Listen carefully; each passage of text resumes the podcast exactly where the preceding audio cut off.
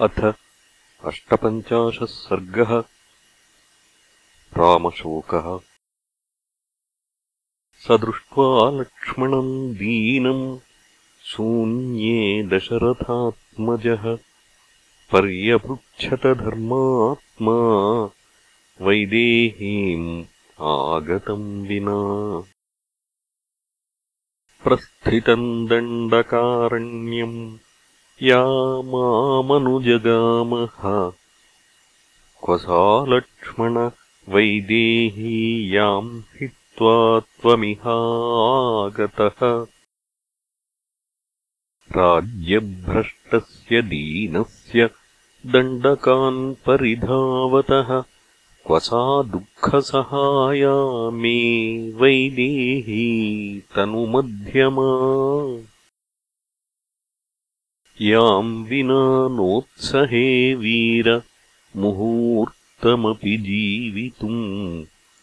क्व सा प्रणसहाया मे सीता सुरसुतोपमा। पतित्वम् अमराणाम् वा पृथिव्याश्चापि लक्ष्मण।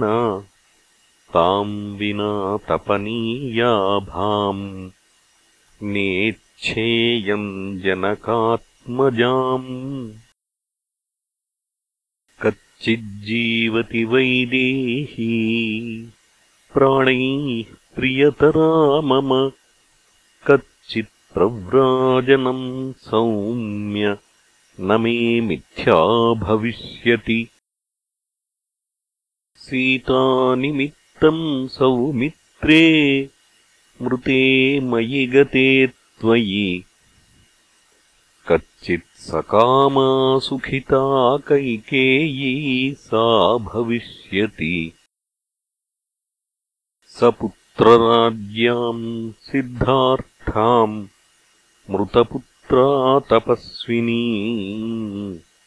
उपस्थास्यति कौसल्या कच्चित् सौम्य न कैकयीम्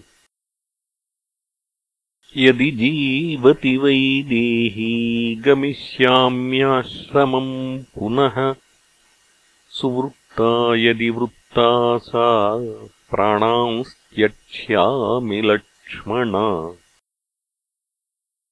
यदि माम् आश्रमगतम् वैदेही नाभिभाषते पुनः प्रहसिता सीता विनशिष्यामि लक्ष्मण।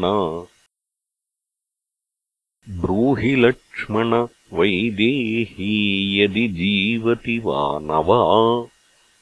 त्वयि प्रमत्ते रक्षोभिः भक्षिता वा तपस्विनी। सुकुमारी च बाला च नित्यम् चादुःखदर्शिनी मद्वियोगेन वैदेही व्यक्तम् शोचति दुर्मनाः। सर्वथा रक्षसा तेन जिह्मेन सुदुरात्मना। वदता लक्ष्मणेत्युच्चैः तवापि जनितम् भयम् श्रुतस्तु शङ्के वैदेह्या सस्वरः सदृशो मम।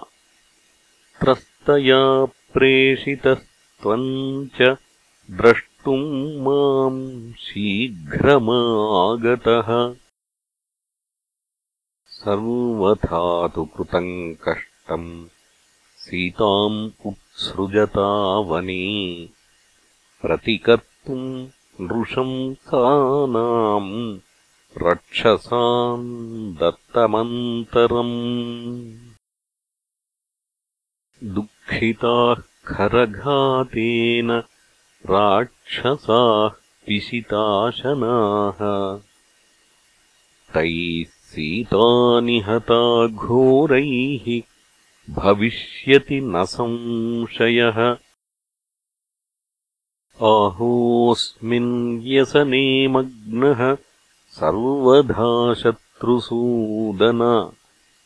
किन्विदानीम् करिष्यामि शङ्के प्राप्तव्यमीदृशम्।